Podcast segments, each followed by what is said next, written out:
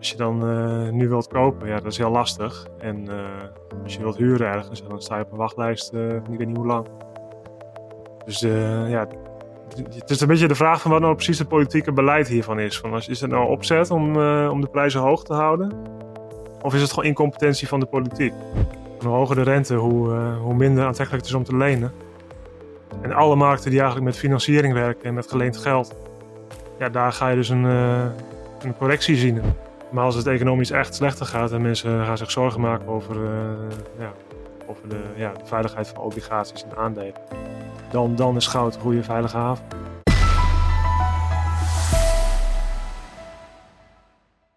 Beste kijker, welkom bij Holland Gold. Ik ben Robert Snijder van Wissekerken en vandaag praat ik met onafhankelijk analist Frank Knopers van Geotrendlijns.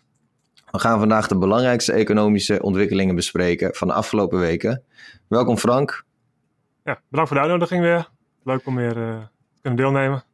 Ja, leuk dat je er bent. Uh, voordat we beginnen gaan we nog even praten over het volgende. Kijk je met veel plezier naar onze video's, like het dan even en abonneer je op ons kanaal. Dat helpt ons om uh, groter te worden en meer mensen te bereiken. Daarnaast komt ons evenement op 20 oktober in Ede steeds dichterbij. Er zijn nog kaarten. Wil je dit soort gesprekken in het echt zien? Kom dan kijken. Je kan je kaarten bestellen op hollandgold.nl slash evenement 2023. Grote sprekers die komen zijn Marcel Krok, Arno Wellens en Wier Duk. Lijkt mij heel erg leuk om u daar te zien en uh, samen met u een, uh, een borreltje te drinken na het evenement. Dus uh, ja, kom, gezellig. Nou, dan gaan we beginnen. we beginnen met de goudprijs. we zien dat die in de laatste twee weken bijna 5% is gedaald. En het laagste niveau in zes maanden. Als we dan over euro's hebben. Frank, kan jij je licht daarover schijnen, laten ja. schijnen?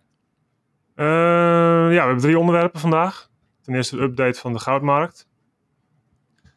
En ja, wat je ziet inderdaad, de goudprijs is gedaald de laatste tijd. Vooral, ja, vooral in, in dollars ging het hard naar beneden. Ik heb hier de koersgrafiek van de afgelopen zes maanden. Dus ja, je zag in de zomer dat we nog best wel hoog stonden. Ook door de geopolitieke onzekerheid en de, schrik van de rentestijging. En nu, uh, nu staat de prijs in één keer een stuk lager, op 1800, uh, 1820. Ja, en eigenlijk uh, wat je vooral ziet is dat dit een gevolg is van, van een stijgende rente. Want je ziet in Amerika dat je nu 5,5% rente kunt krijgen op een drie, drie maands staatslening. Ja, heel veel mensen zien het toch als een veilige alternatief. En ook geldmarktfondsen profiteren daarvan. En ja, is eigenlijk wel zo'n remmende factor, een soort tegenwind voor, uh, voor de goudmarkt. En vooral voor, uh, voor westerse beleggers die toch kijken naar, uh, ja, naar, naar de inkomstenstroom en naar ja, wat goud eigenlijk niet heeft. Dan zie je dat die hoge rente maakt het wel aantrekkelijker om, om dan toch voor die obligaties te kiezen. En dat is ook wel bijzonder eigenlijk, want het is ook alweer de vraag van hoe veilig zijn die obligaties nog? Want traditioneel is het wel de, de ja, veilige haven. En ook kredietbeoordelaars zien het als het meest veilige asset, maar ja, daar komen we later nog verder op terug in het verhaal. Maar in elk geval zie je dat die, die stijgende rente, dat is al echt een remmende factor geweest. Waardoor heel veel spaarders ook denken van nou ik blijf al zitten of ik ga in de geldmarktfonds of ik uh, ga via de bank het geld vastzetten. Ja, dus dat biedt wel kans als je denkt van ik heb liever uh, gewoon fysiek goud, dan, uh, dan krijg je een mooie korting. Ja, dus want wel, die, die, die, rente die is natuurlijk al behoorlijk tijd is die al wat hoger. hoe komt het dat het dan nu pas tot uiting komt in die goudprijs? Nou, wat ook nog kan, een ander effect is dat uh, je ziet de beurs ook een beetje dalen de laatste tijd. En ook uh, de olieprijs daalt weer, daar komen we ook terug straks. En al die dalingen, dat is ook een teken van dat, uh, ja, dat er onzekerheid is, angst over een recessie. En wat je vaak ziet in, in ja, als de beurs daalt, dat ja, beleggers en partijen ook gewoon bezittingen moeten verkopen. En dan verkopen ze vaak ook met de meest liquide assets eerst. Ja, en dat kunnen bijvoorbeeld staatsleningen zijn, maar ook goud. Dus dat zag je ook in 2008 bijvoorbeeld toen ging goud ook gewoon 30% naar beneden tijdens die, uh, die crash van, van Lehman en alle problemen eromheen. Ja, daarna ging goud weer hard omhoog, maar de eerste reactie was eerst een verkoopgolf. En ook tijdens de coronapandemie uh, begin 2020 zag je dat, dat ook alles daalde. In 2020 ging de aandelenkoers 30% omlaag en toen ging goud iets van ja, 5% omlaag. Dus de daling kan ook een voorbode zijn voor dat mensen aan het verkopen zijn omdat ze liquiditeit nodig hebben. En ja, dat is ook een traditioneel effect van wat je krijgt bij een, uh, ja, bij, bij een beurscrash. Dus als dat gaat gebeuren, dan is dit mogelijk een, uh, een signaal daarvan. En als je kijkt naar de fundamenten van de economie, dan is het nog steeds wel, wel lucratief om, om goud te hebben. Dan zal ik er nog steeds wel voor pleiten. En dat zie je ook in China bijvoorbeeld. Ik heb hier een grafiek van de ontwikkeling in China. Want ja, in Europa is de vraag naar goud nu niet zo heel sterk. In Amerika ook niet. Maar in China is de, premie, dit is dan een iets oudere grafiek van een paar weken terug. Toen ging die premie ging naar 120 dollar uh, per troy ounce. Ja, toen betaalde men in, uh, in Londen acht, ja, ongeveer 1900 dollar voor een troy ounce. En in China iets meer dan 2000. Ja, die, dat verschil is echt heel groot. Is niet eerder zo groot geweest. En ja, er waren verschillende geruchten van, ja, zijn de Chinezen nou allemaal massaal goud aan het kopen? Of wat is er aan de hand? Maar de verklaring is eigenlijk heel simpel. De, centrale bank in China die regelt uh, de importquota voor goud. Dus die bepaalt hoeveel goudbanken mogen inkopen. En uh, ja, die quota waren gewoon best wel laag en ook afgeknepen, omdat, uh, omdat de centrale bank wilde voorkomen dat mensen allemaal hun yuan gingen omwisselen voor, ja, voor goud. Dus om dat een beetje af te remmen, om die daling van de yuan te stoppen, hebben ze die importquota een beetje afgeknepen. Ja, en dan zie je gewoon dat de schaarste aan goud in China zorgt voor een hogere prijs daar. Dus eigenlijk eh, creëren ze gewoon zelf een eigen een soort schaarste aan goud in China, omdat er gewoon geen, geen goud naar binnen gelaten wordt. Ja, ja, dus gewoon, uh, ja, je kunt het vergelijken met de huizenmarkt. Als er weinig aanbod is, dan blijft de prijs toch hoog. En uh, dan heb je met goud ook, als goud in China schaars is en je kunt het niet goed smokkelen of zo, ja, dan, dan gaat die prijs in China gaat dan hoger worden dan, uh, dan in New York of in Londen. Maar goed, we leven natuurlijk wel in 2023. Dus je zou zeggen dat, uh, dat er wel wat mogelijkheden zijn om uh, ja, goud daar te krijgen, al dan niet digitaal goud. Ja, het is wel lucratief. Dus het is wel. Uh, ik denk dat je via, die, via digitaal goud toch moeilijk daarin komt. Want dat gaat allemaal via, de, ja, via het banksysteem. En daar heb je dus wel echt restricties en kapitaalcontroles. Maar ja, het is wel lucratief om, om wat goud mee te nemen in het vliegtuig of op de boot of voor je naar China gaat. En en het daar te verkopen. Want je krijgt er echt een stuk meer voor dan in, uh, wanneer je het aan een Nederlander of aan een Duitser verkoopt. Zeg maar. Ja, ja de premie is trouwens al iets gedaald weer sinds 14, december, 14 september. Maar het is nog steeds wel aanwezig. Dus je ziet wel dat, uh, dat in China dat het wel iets meer vraag is dan goud dan hier. En dat daar ook gewoon uh, de centrale bank een rol speelt.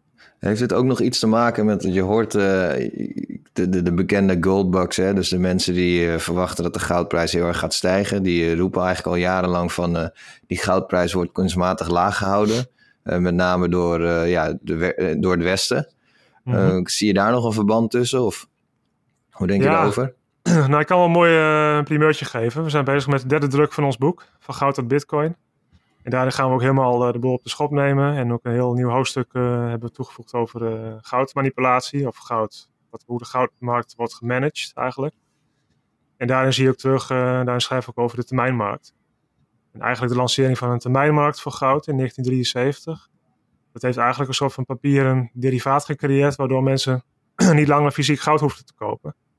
Als ze gewoon de prijs wilden volgen, dan konden ze gewoon zijn derivaat nemen ja, dat heeft wel eigenlijk de vraag naar fysiek goud uh, afgeremd. Omdat heel veel partijen nu denken van ik kan gewoon goud op papier eh, kopen via mijn uh, brokeraccount. Dus waarom zou ik het, uh, waarom zou ik munten en baren in een kluis leggen? Dus dat, dat zie je wel dat dat, dat is eigenlijk al de, de manipulatie in die zin. Dat er een hele termijnmarkt bestaat die eigenlijk de prijs van het, van het onderliggende dicteert. Ja. Dus je zou zeggen dat een gouden munt bepaalt de prijs van, van een contract voor goud. Maar het is omgekeerd tegenwoordig. Dus de, de spotprijs die je ziet, dat is eigenlijk gewoon een papieren derivaat. En iedereen verkoopt uh, zijn, zijn fysieke munten en baren op basis van die, die prijs op de termijnmarkt. Dus die, die markt bestaat al uh, sinds ja, 1973 en die is alsmaar groter geworden. En als je naar de fysieke goudvolumes kijkt, dan is dat ook maar een fractie van wat er uh, op papier wordt verhandeld aan goud. Ja, dus, uh, maar mocht het ooit tot een moment komen dat die papiermarkt niet meer vertrouwd uh, wordt en de mensen willen het echte goud hebben, dan, uh, dan zou je dat natuurlijk in de prijs terug kunnen zien. Ja, zeker. Dan ga je op de, op de koersen op internet ga je de koersen zien dalen. Omdat heel veel mensen van die papieren derivaat af willen. En die gaan dan tegen een discount verhandeld worden tegenover fysiek goud. Dus dan kan het best zijn dat een Krugerrand in één keer naar 3000 euro gaat. Terwijl een Troy aanschouwt naar, naar 1000 euro zakt of minder. Maar dan praat je over echt een scenario waarin de, de hele markt ontkoppelt. En dat is wel echt een, uh, ja, dat zou een soort van bankrun in de goudmarkt zijn. Ja. En dat, uh, dat, dat kan gebeuren.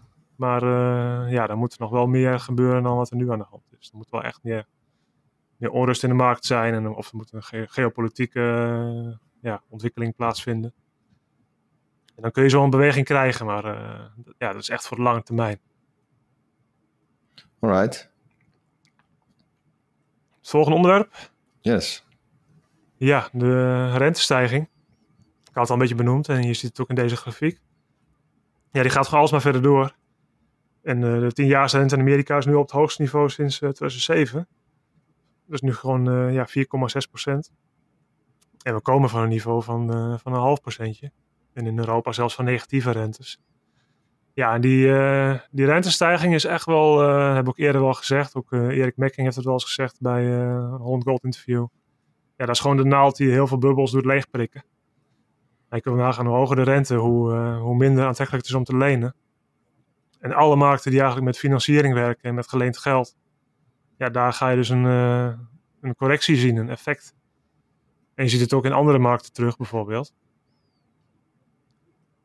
Want dit is dan de ontwikkeling van de obligatiekoersen. Ja, het zal misschien wel bekend zijn dat uh, ja, de waarde van een obligatie daalt als de, als de rente stijgt. Dus je kunt dan uh, ja, die obligatie minder goed verkopen in de markt. En wat je hier ziet in deze grafiek, zie je in de rode lijn zie je de daling van, de, ja, van een obligatiefonds met Amerikaanse 20 en 30 jaar staatsleningen. En dat is vanaf de top gezien in uh, 2020 tot en met nu. En dan zie je dat die daling, die is nu al bijna 60%, de waardedaling van die obligaties. Terwijl de beurscrash van uh, 2008, 2007 tot 2009, ja, die was uh, ook ongeveer 60%. Dus beleggers die uh, obligaties hebben, die zitten wel echt een hele forse ja, koersdalingen te kijken. Maar dat zijn met name dan langlopende obligaties, neem ja, ik aan. Ja, dit zijn de 20 en 30 jaar staatsleningen. Want hoe langer de looptijd is, hoe groter het effect is van de rentestijging. Dus je hebt ook een Oostenrijkse obligatie met 100 jaar looptijd. Ja, dat, dat is echt een bloedbad, want die is echt wel uh, 80% in waarde gedaald vanaf de top. Ja. Maar uh, ja, als je die aanhoudt tot aan het eind van de looptijd, dan krijg je wel gewoon je inleg terug. Dus dat is het probleem niet. Maar het probleem is als je nu moet verkopen. Als je nu obligaties op de balans hebt staan en je moet ze verkopen, ja, dan zijn ze gewoon 20, 30, 40 procent minder waard. Afhankelijk van de looptijd. En als je dan kijkt wat voor gevolgen dat heeft, ja, bijvoorbeeld bij de banken. Dit is in Amerika, de Amerikaanse bankbalansen. Ja, Amerikaanse banken hebben heel veel uh, staatsleningen op hun balans staan. Die kregen heel veel spaargeld binnen met de coronastimulering. Heel veel geld kwam erbij. Ja, dat konden ze nergens kwijt, dus dat geld parkeerden ze gewoon in staatsleningen. En je ziet dat in het banksysteem dat er gewoon honderden miljarden aan, uh, aan ja, koersverliezen zijn op die obligaties. Ja. Dus dat betekent dat op papier die balans veel, uh, veel slechter is geworden. Ja, volgens mij zitten heel veel pensioenfondsen die, uh, die moeten ook vaak verplicht obligaties aanhouden. Ja, ja, er zit wel een verschil in, want pensioenfondsen die hebben in principe gewoon een hele grote pot geld, die krijgen geld binnen. Dus die hoeven niet te verkopen. Dus voor pensioenfondsen die ja. gewoon de looptijd uitzitten, is dit niet zo'n rampscenario leuk is anders, maar het is ook niet een rampscenario. Maar voor banken die te maken hebben met spaarders die weglopen, ja, die hebben wel een probleem. Want als spaarders geld weghalen bij de bank, ja, dan, dan, dan moeten ze ook obligaties gaan liquideren. En dat, uh, dat is dan met een fors verlies. Ja, deze verliezen op die bankbalansen, die dus gewoon op de achtergrond aanwezig zijn, die hebben ook effect op, uh, op de koersen van banken. En ook op de, op de, de rente die ze moeten betalen om te lenen.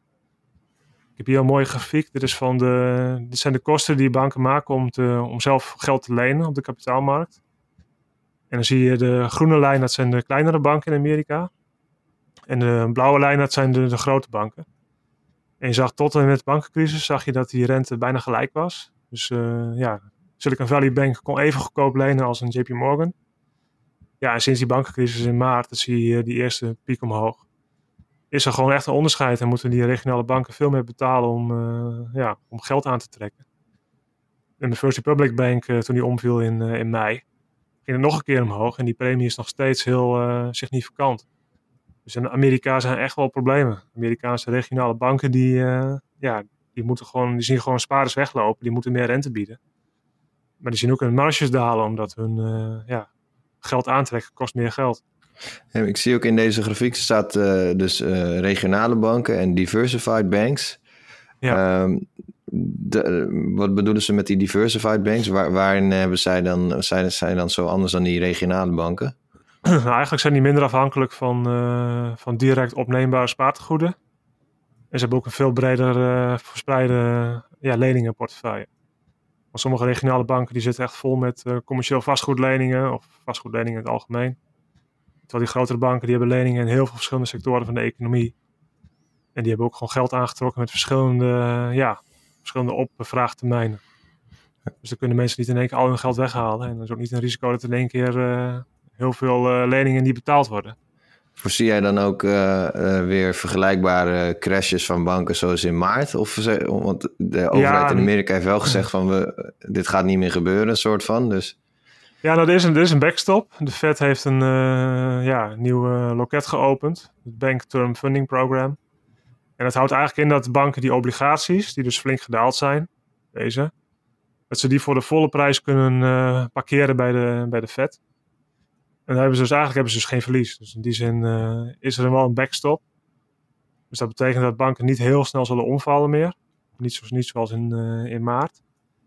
Maar dit is wel echt een fundamentele kwetsbaarheid van de banken. En zeker als dan de economie gaat verslechteren en wanbetalingen op leningen nemen toe commercieel vastgoed wordt eh, problematisch, ja, dan, dan kunnen er best wel eh, ongelukken gebeuren. Dus ik ben er niet helemaal zeker van dat de Fed dit kan, uh, kan managen. Maar er is wel een, een vangnet nu. Dat was er in maart nog niet. Dus ja, dit, dit, blijf ik volgen. En dit is wel echt een, ja, een, risico. je ziet het ook terug in de, in de koersen. Beleggers zien het natuurlijk ook. En je ziet dat gewoon banken als Citigroup en Bank of America, die, die koersen zijn gewoon niet hersteld van die, ja, van die bankencrisis in maart. De koersen zijn gewoon, ja, die zijn verder gedaald. Dus beleggers die prijzen wel het effect in van, die, uh, ja, van, van een verslechterde balanspositie van die banken. Dus dat is wel uh, een ding om in de gaten te houden. En nog een ding, dat is de huizenmarkt. Ik weet niet of jij een, koophuis hebt, Robert, of dat je een hypotheek wil aanvragen. Nee, ik heb in uh, eh, 2016 heb ik een studio gekocht. En met de huidige huizenprijzen betekent dat ik daar nooit meer wegkom. Dus, ja, dan zit je wel goed. Ja. ik zit goed, maar ik zou het liefst ja, nu een, een, vervolgstap maken. Maar ja, dat is niet mogelijk. Maar ja, er zijn ook heel veel mensen van mijn leeftijd die die, die die eerste stap niet eens niet meer kunnen maken op dit moment, inderdaad. Ja, ja dat is het meest schrijnende. En dat, dat wordt ook allemaal moeilijker. Ik heb hier een grafiek van, van de Amerikaanse situatie. Ja, in Amerika is de hypotheekrente is gedaald of gestegen van 3% uh, eh, in 2020 naar bijna 8% nu. Dus 8% hypotheekrente. Dat betekent dat als je een, uh, een huis van 4 ton koopt, dat je per maand al 2000 euro of 2000 dollar aan rente betaalt. Per maand. En dan moet je nog een deel uh, aflossen. Dus als je dat optelt. Ik heb het hier in de grafiek staan. dan zie je dat het dat bruine gedeelte, dat is de rente. En dat blauwe is wat je aflost. Dus als je nu een huis wilt kopen in Amerika ja, dan betaal je gewoon zoveel meer rente. Dat is haast niet te doen. En in Europa is het iets minder extreem, want hier is de rente iets lager. Maar uh, dit, dit is wel echt een, uh, ja, een, een, heel negatieve factor voor de huizenmarkt. Dus je kunt gewoon minder geld lenen en mensen gaan ook minder geld lenen, omdat die rente zo hoog is. Nou, we hebben dat in Nederland natuurlijk ook. Hè? Niet zo hoog, die rente is niet zo hoog als in Amerika. Die is volgens mij 4,5% nu voor een 10-jaars uh, mhm. lening. Nou, dan zit je ook al op een behoorlijke maandlast vergeleken met anderhalf jaar geleden, toen de rente nog anderhalf procent was.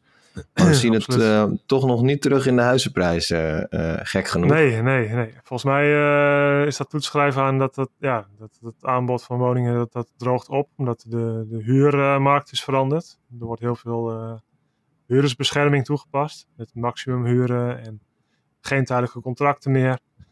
Dus ja, het aanbod van huurwoningen dat daalt en de nieuwbouwwoningen dat, dat, dat loopt terug. Dus er is gewoon minder aanbod en dan gaan mensen tegen elkaar opbieden. En uh, ja, het gevolg kan zijn dat de huisprijzen niet zo hard dalen als ik eerst had gedacht. Maar dat gewoon mensen buiten de boot vallen. Ja, dat is eigenlijk veel erger. Ja. Dan gaan de prijzen niet dalen. Nou, dat is leuk voor mensen die een huis hebben, zoals jij en ik. Maar ja, als je dan uh, nu wilt kopen, ja, dat is heel lastig. En als je wilt huren ergens, dan sta je op een wachtlijst van ik weet niet hoe lang. Dus ja, het is een beetje de vraag van wat nou precies het politieke beleid hiervan is. Van, is het nou opzet om, uh, om de prijzen hoog te houden? Of is het gewoon incompetentie van de politiek? Want dit is echt uh, ja, een combinatie van, van een renteontwikkeling plus heel slecht politiek beleid. Ja, dus dat is voor de huizenprijzen misschien gunstig, maar voor de huizenmarkt zeker niet. Dus, ja, dat is een, een beetje jammer dat die rente zo veel effect heeft. Want het is wel gewoon echt een risico. En mensen die, ja, het is een grootste lening wat ze aangaan in hun leven. Een hypotheek voor een huis. Dus ja. ja. Dat is niet, niet een heel mooi plaatje. Dus de huizenmarkt blijft, blijft denk ik heel lastig. En de aandelenmarkt, uh, ja, we zien wel een. Uh, de beurs is iets gedaald de laatste weken. Uh, maar nog altijd niet zo ernstig als de obligatiekoersen. En wat deze grafiek laat zien is het verschil in, in rendement van een, ja, de rente op een staatslening. Amerikaanse tienjaars in dit geval. En het dividendrendement van aandelen van de S&P 500. Ja, wat je ziet is dat van tot, vanaf 2002 tot en met nu haalde je gewoon meer inkomsten uit een aandelenportefeuille. Gewoon aan dividendstromen. En nu is voor het eerst dus die rente op een staatslening hoger dan het dividendrendement. Dus dit is wel eigenlijk een soort van, van plafond voor de, voor de aandelenmarkt. Want heel veel mensen die denken van ik wil rendement halen. Ja, dan wordt het gewoon interessanter om een, uh, om een obligatie te nemen dan, dan een aandeel bijna. Dus ja, zeker wel, als de koers uh, ook nog dalen natuurlijk. Ja, ja. Ik heb hier nog een grafiek van de, de ontwikkeling van de koersen ja, dan zie je dat verschil. De tech-aandelen die gaan weer omhoog door de AI en de ja, kunstmatige intelligentie hype. Nou, de rest van de beurs die gaat een beetje zijwaarts. Die, die stijgt eigenlijk niet echt. Al het hele jaar niet. En de obligatiekoersen dalen.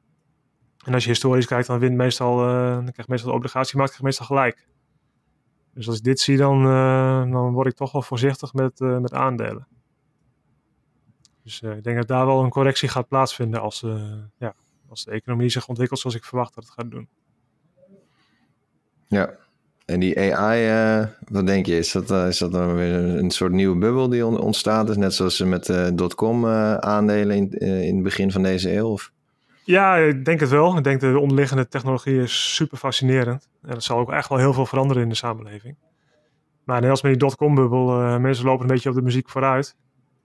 En dan worden iets te enthousiast en gaan aandelen kopen van bedrijven die eigenlijk helemaal niet zoveel waard zijn. En uh, ik lees ook heel veel documenten over Nvidia. Dat is een beetje, ja, dat is dan een chipmaker die maakt dan die chips voor die, uh, voor die AI-apparaten, voor die computers. En Nvidia heeft ook hele ja, dubieuze constructie gedaan met, uh, met een aparte entiteit waarin ze dus al die, al die chips gaan verkopen. En dat is dan een bedrijf dat dan die chips weer gaat uitlenen, verhuren voor mensen die rekenkracht nodig hebben. Ja, en door die constructie hebben ze de aandelenkoers gewoon, of de winst weet op te krikken. Ja, allemaal boekhoudkundige trucs worden naartoe gepast. En ja, als je dat dan verder leest en je gaat erin verdiepen, dan zie je ook dat daar wel ja, wat dubieuze dingen zijn gebeurd om die koers op te drijven. Vlak voor die kwartaalcijfers werden bekendgemaakt. Ja, en daarna zie je dat de topman aardig wat plukken aandelen verkocht heeft. Dus ik zie wel signalen dat het, uh, ja, Nvidia is een mooi bedrijf en waarschijnlijk doen ze ook wel hele goede dingen, maar er wordt wel financieel mee gegoocheld met, met de cijfers. Dus dat is wel een, een waarschuwing en ook leuk om even om dat te volgen. Ja. Want als dat uit elkaar spat, dan, ja, dan, dan zou dat best wel eens een flinke koersdaling betekenen voor, de, voor Nvidia. Even kijken. Olieprijs. Ik denk dat we qua tijd ook gewoon lekker het volgende onderwerp kunnen pakken. Uh, de olieprijs, ja, je ziet uh, de laatste maanden ging die ontzettend omhoog. Dus vanaf een beetje halverwege deze grafiek zie je dat die van, van 70 dollar in juni is gestegen tot 95 dollar een paar dagen geleden. Ja, de reden is bekend. Saudi-Arabië en Rusland die hebben de productie verlaagd en die blijven dat doen tot eind dit jaar. En ja, twee dagen geleden hebben ze ook gezegd van we blijven daar gewoon aan vasthouden. Gaan gewoon, Saudi-Arabië gaat 1 miljoen vaten olie minder oppompen Rusland 300.000 eh, vaten minder. Ja, en toch knalt die olieprijs in één keer weer omlaag eh, de laatste dagen. En ook hard, want het gaat van 95 of 95 naar 85 dollar. Ja, en dan zie je dat ook dat, uh, als je dan kijkt in de cijfers wat er aan de hand is, dan zie je gewoon uh, dat die hoge prijs, die, die lost eigenlijk zichzelf weer op. Want hoe hoger die olieprijs wordt, ja, hoe meer mensen gaan bezuinigen waar het kan op, uh, op, op brandstof en op energie.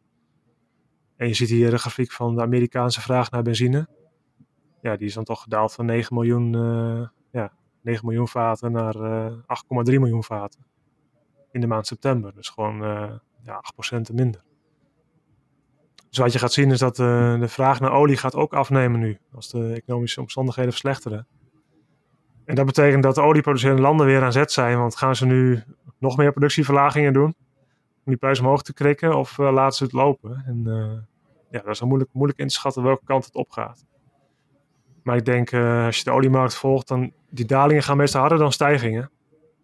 En ja, als het economisch echt slechter gaat, dan kan die olieprijs ook verder omlaag gaan.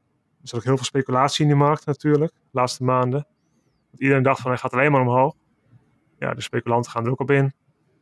En al die speculanten die dachten van nou ja, ik weet niet zeker. En dan daalt de prijs, die gaan allemaal eruit. Dus vandaar dat die olieprijs in één keer heel hard naar beneden ging. En uh, nu is eigenlijk de vraag, wat gaan de olieproducerende landen doen? Want uh, ja, ze hebben dus aangekondigd dat ze dus niet die productieverlaging gaan veranderen. En uh, als dit zo doorgaat, dan kan de olieprijs nog wel verder dalen, omdat, ja, omdat economische zorgen eigenlijk het overnemen van de, en, het, en het tekort zichzelf oplost eigenlijk in de oliemarkt. Ja. En dit is dan eigenlijk de samenvatting van, van het verhaal, kort gezegd ja, we begonnen met een COVID-crisis en toen kwam er stimulering. Ja, toen kwam het inflatieverhaal en de rente. Ja, en nu zijn we in de fase van de obligatiemarkten die uh, crashen. Dus uh, ja, het is te hopen dat, dat het met een zachte landing eindigt. En anders dan is het toch zaak om, om je vermogen veilig te stellen en wat, ja, bijvoorbeeld goud hebben in je portefeuille. Ja, misschien kunnen we daar nog even over hebben als samenvattend. Hè? Dus, dus die, inderdaad, die, die, die rente die is al, nou, wat is het al, 15 jaar hartstikke laag, alleen maar omlaag gegaan. En het idee van een lagere rente is dat dat goed is voor de e economie en dat dat stimuleert. Nou, we mm -hmm. hebben niet de afgelopen 15 jaar uh, gigantische economische groei gezien in het Westen. Dus ja, echt gewerkt heeft het niet. nu hebben we gigantische inflatie. En dat moet dan weer gestopt worden door de rente te gaan verhogen. Nou, en je hoort nu al soms zachtjes verhalen van nou, dat, ze, dat de top wel bereikt is en dat ze misschien het gelijk gaan houden of weer omlaag gaan. -hmm. nou, stel nou dat het lukt, hè, dat is die zachte landing waar jij het over hebt. Dus die, die, die inflatie die gaat weer omlaag. De rente en, omlaag. En, de kunnen, en de, kunnen de rente ook omlaag doen. Ja, dan, we hebben geleerd de afgelopen 15 jaar dat dat niet betekent dat, dat die economie opeens als een tierenlier gaat draaien. Dus is het dan niet gewoon toch weer uitstellen en wie weet gaan we weer een aantal jaar lage rentes krijgen. En, dat zou best kunnen hoor. Als je naar 2008 kijkt, ja, toen ging de rente in één keer uh, naar nul. Ja. Iedereen vluchtte toch weer in staatsleningen en uh, daarmee ook, uh, ja, werd het goedkoper om te lenen. En ging de beurs omhoog. Maar het verschil met 2008 is denk ik wel dat uh, de geopolitieke factoren nu echt meer een rol gaan spelen. Want je ziet dat de rente en de inflatie die nu ontzettend stijgen. Ja, dat wordt dan toegeschreven aan centrale banken, die, die rentestijging. Maar eigenlijk is, is het gewoon de stijging van de olieprijs en de, de gasprijs en de grondstoffenprijzen. Die, die hebben die hele rentestijging veroorzaakt. En die hoge inflatie. Dus het ligt gewoon niet in de controle van centrale banken om uh, tegen Rusland of Saudi-Arabië te zeggen van hé, hey, uh, ga eens wat meer olie oppompen, want de benzine is duur. Dat, uh, dat, dat, werkt niet. Dus je hebt nu te maken met externe factoren die, die centrale banken en overheden in het Westen niet kunnen controleren. En dat maakt heel onvoorspelbaar, want je kunt dus een vlucht naar, naar staatsleningen krijgen. Maar je kunt ook krijgen dat, dat de rente of dat de inflatie hoog blijft. Door die energieprijzen en dat de rente hoog blijft, omdat mensen zich zorgen maken over de, ja, de houdbaarheid van staatsschulden. Ja, dus het kan, twee kanten op. Of mensen vluchten weer in staatsobligaties. Dan heb je weer een 2008 scenario en dan uh, kunnen we weer een paar jaar verder met stimulering en alles.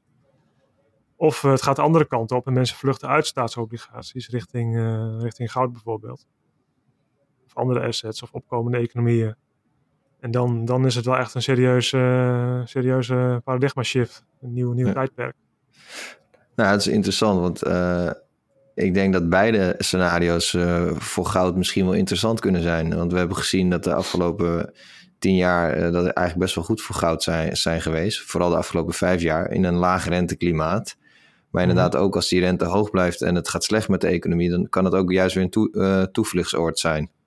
Ja, precies. En nu daalt de goudprijs een beetje omdat het economisch nog wel een beetje doorkwakkelt, zeg maar. En dan denken mensen van, hé, hey, die rente is interessant. Maar als het economisch echt slechter gaat en mensen gaan zich zorgen maken over, uh, ja, over de, ja, de veiligheid van obligaties en aandelen dan, dan is goud een goede veilige haven. Dus ik denk dat dat uh, zeker een goede is in de, in de portefeuille om, om te hebben. Mooi, ik denk dat we, er, uh, dat we er zijn. Frank, hoe kunnen de mensen jou volgen of vinden? Ja, op onze site geotrendlines.com. We hebben ook twee verschillende abonnementen. Dus mensen die kunnen onze artikelen lezen met een insider abonnement. van 297 euro per jaar. Of ze kunnen kiezen voor het premium pakket. En dan krijg je ook de beleggingsportefeuille erbij. En de boardroom call elk kwartaal. En de marktcommentaren. En dan praat je over 597 euro per jaar. En dat kan ook maandelijks, maar dit, via onze site kunnen mensen ons volgen. Dus de meeste artikelen zitten achter een betaalmuur. Maar we hebben ook nieuwsberichten uh, op de site staan die mensen kunnen bekijken om uh, een beetje een beeld te krijgen wat, wat, we, wat we volgen, wat we doen. Dus, uh, Mooi. En jij bent ook op ons evenement 20 oktober in Ede. Ja, zeker. En ook mijn compagnons zijn erbij. Dus Sander Boon is er aanwezig. Erik Mekking ook. En Johan Lindhout, onze technische man. De marketingman. Dus kunnen mensen ons spreken. Ja, ja helemaal goed. Hey, ehm, Bedankt wederom en uh, we spreken elkaar weer snel, Frank. Ja, top. Spreek je. Jo, dag. Dus, dag.